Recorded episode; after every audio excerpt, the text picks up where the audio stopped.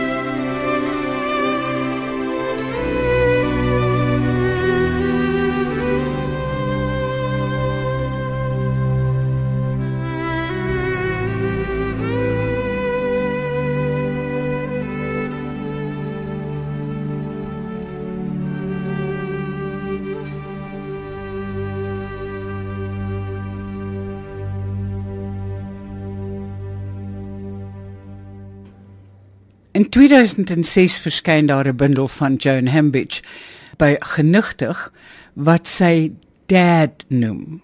Ons gaan na twee van die verse luister en die digter gaan dit self vir ons voorlees. Die eerste een is My ou dad wat uit 'n reeksie kom en dit is nommer 4. Elke week versend jy 'n bondel koerantknipsels, netjies geleaseer oor die politiek en sake van die dag, veral boekresensies in twee ou mutual koeverte. Agterop jou naam, Jew Hambidge toe later selfs foto's van jouself. Ek word jou geheuebank uit plakboeke, leers, bokse. Uit jou studeerkamer oorvol geprop met inligting. Jou klein heiligdom, slordig. Op een bruin foto sit jy, ek skat jou so 9 met 'n rugbybal. Op 'n ander foto tussen jou ma en pa, beskik soos beedo, vir veilige bewaring in my woordkabinet. Vanoggend verneem ek jy's weg net dit uit ma se geskokte mond. Hoe snoei die dood nie alles terug tot essensie nie. Ek orden al my onthoue. Ontdek 'n koevert met jou naam, jou stem op my antwoordmasjien, 'n brief uit die verre vreemde. Jy het elke week 'n bondel koerantknipsels aan my toe versend. Dit was toe jy my toe verlaat. Ag dad, papier is geduldig. Koeverte versend omgee was 'n posstempel gereeld tussen my en jou. Nou net dit, hierdie brief en 'n finale deursigtige koevert uit my woordargief. Die volgende vers van Joan Hambidge wat sy gaan lees kom ook uit dieselfde bundel wat getitel is Dad en uh, dit is ook deel van 'n reeksie. Die reeks se titel is My ouers en dis nommer Ek onthou vanaand. Ek onthou vanaand met een so jy uitroep. Alles is teen my. En ongeveer 3 dekades later weet ek dat hoe dit moes meetkos om ons almal in jou 30 dae ou mutual kalender in te pas. Nog 'n polis, nog 'n laatskof, nog 'n ekstra werk. En ek ek hou my besig met 'n polis met bykans geen uitkeerwaarde of beleggingsmoontlikhede. Dit laat sig nie op 'n kalender inpas. Dit verkies ewenigs die onvoorspelbare uur. En ja, dit beskerm jou gewis nie teen ontnigtering of soortgelyke slopings soos nog 'n gedig wat teen jou draai. Aldus Joan Hambidge met twee verse uit haar bundel Dad. Kom ons luister hoe lees Diedre Voliter Vader van Lucas Malan. Dit kom uit sy bundel Kaartehuis van 1990. Aan die kant van 'n groot plaat water, tussen gras en vleipalmiet, staan 'n man met 'n stok en 'n lyn voor hom uitgespan. Naweek hengelaar, maar juis ook die vader van kinders met name soos Karline en Benjamin. 'n Man met 'n vrou in die huis by sy klein gesin, met 'n hond en 'n tuin betreklik gering en volgens gebruik ook verstandig beplan vir die kinders. Wat eendag of eersdaags die tyd word min met 'n eie gesin sal begin. Dink die man wat hengel en hink tussen riet langs die dam waar hy niks kon vang, maar iets moet versin vir sy kinders. Dryf lees nou vir ons Linda Roos se vers Die onterfde wat uit die bundel 'n hok vol dwaase van 1986 kom. Ek sal opstaan en na my vader gaan. En ek sal my hande om sy knie klamp en hom vra of hy my skouerknoppe in sy palm sal bære nou dat ek vertrek. En my vader sal lag en sy lag sal soos 'n harpoen deur die plafon skeur, soos 'n missiel sal dit deur die wolke donder sodat die voëls uit die bome sal opvlieg en die honde in die agterplase aan die blaf gaan en die lammers verskrik aan hul moeder sal stoot. En die dreuning sal 'n golf uit die see slaan wat reg rondom die aarde sal rol. Dan sal hy afbuk en 'n paar spriete mirt uit die verdroogde bos by die voordeur pluk dit in my hoedband steek en my met 'n klap op die bout na my koffer stuur.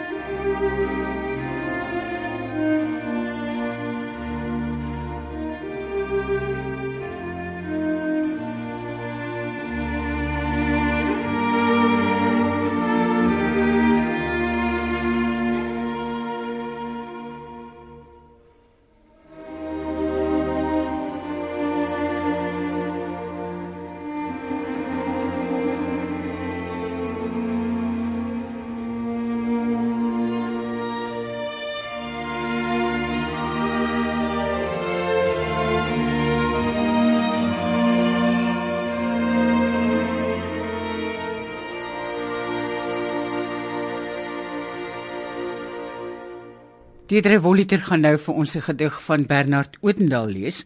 Die gedig se titel is Pa se groente en dit het verskyn in 'n bundel van hom Onbedoelde land van Tafelberg. Was dit weer so 'n Sondag na kerk? Die sluise van die son oop.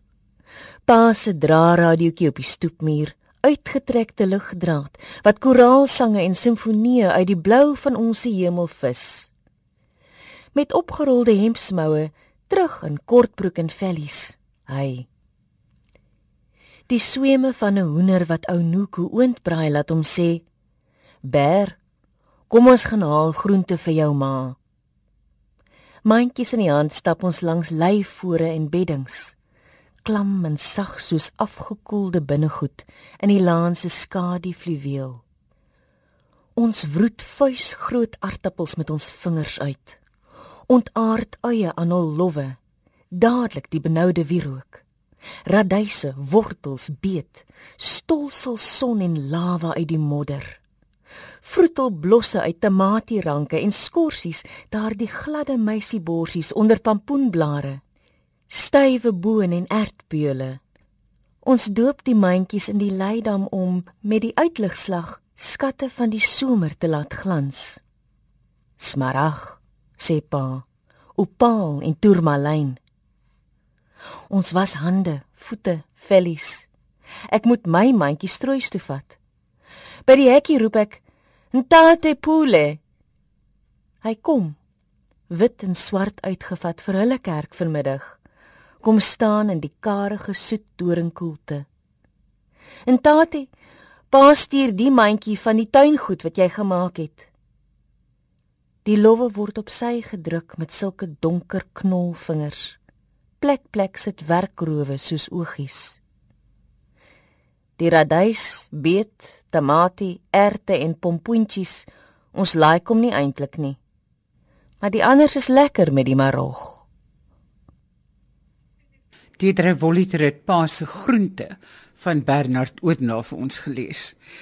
Nou gaan ons luister na 'n heerlike nugtere vers wat Bernard geskryf het vir sy pa na sy pa se afsterwe.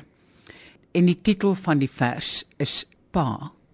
Jy kon tot hoestens toe lag en praat, snoer en sekuur voorbanker in kerk en senaatsaal. Ook 'n voorslag in die kooi met vyf voluit familie vernoemde seuns.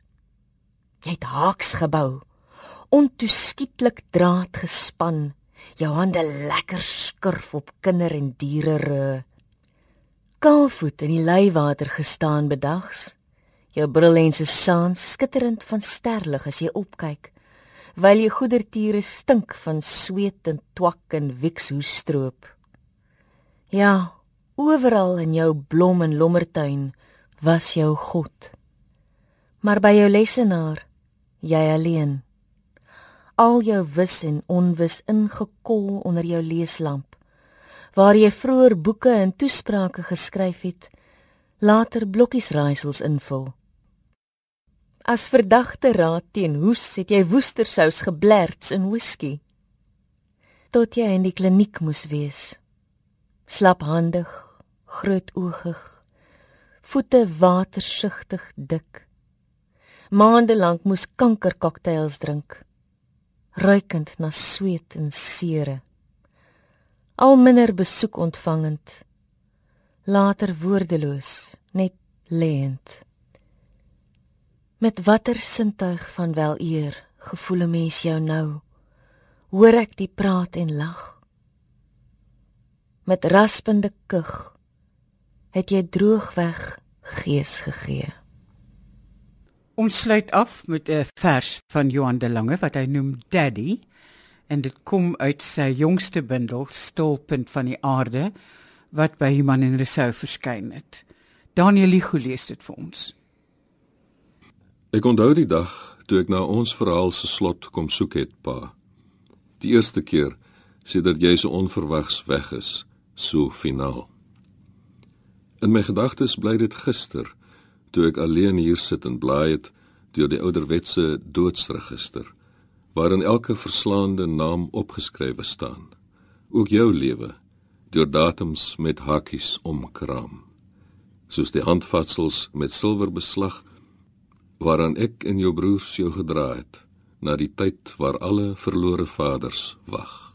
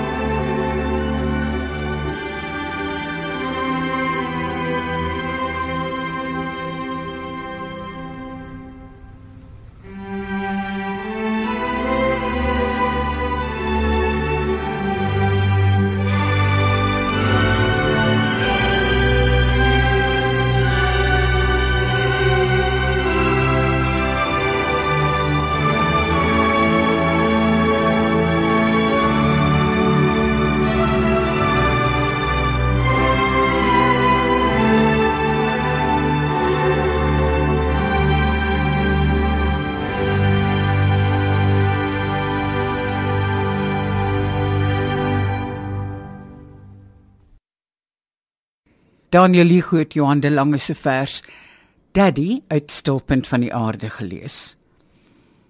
Ander lesers vanaand was Breiten Breitenbach, Deidre Voliter en Joan Hambidge. Margot Luit is die artistieke regisseur van Vers en Klank en Tarin Oosthuizen die musiekregisseur.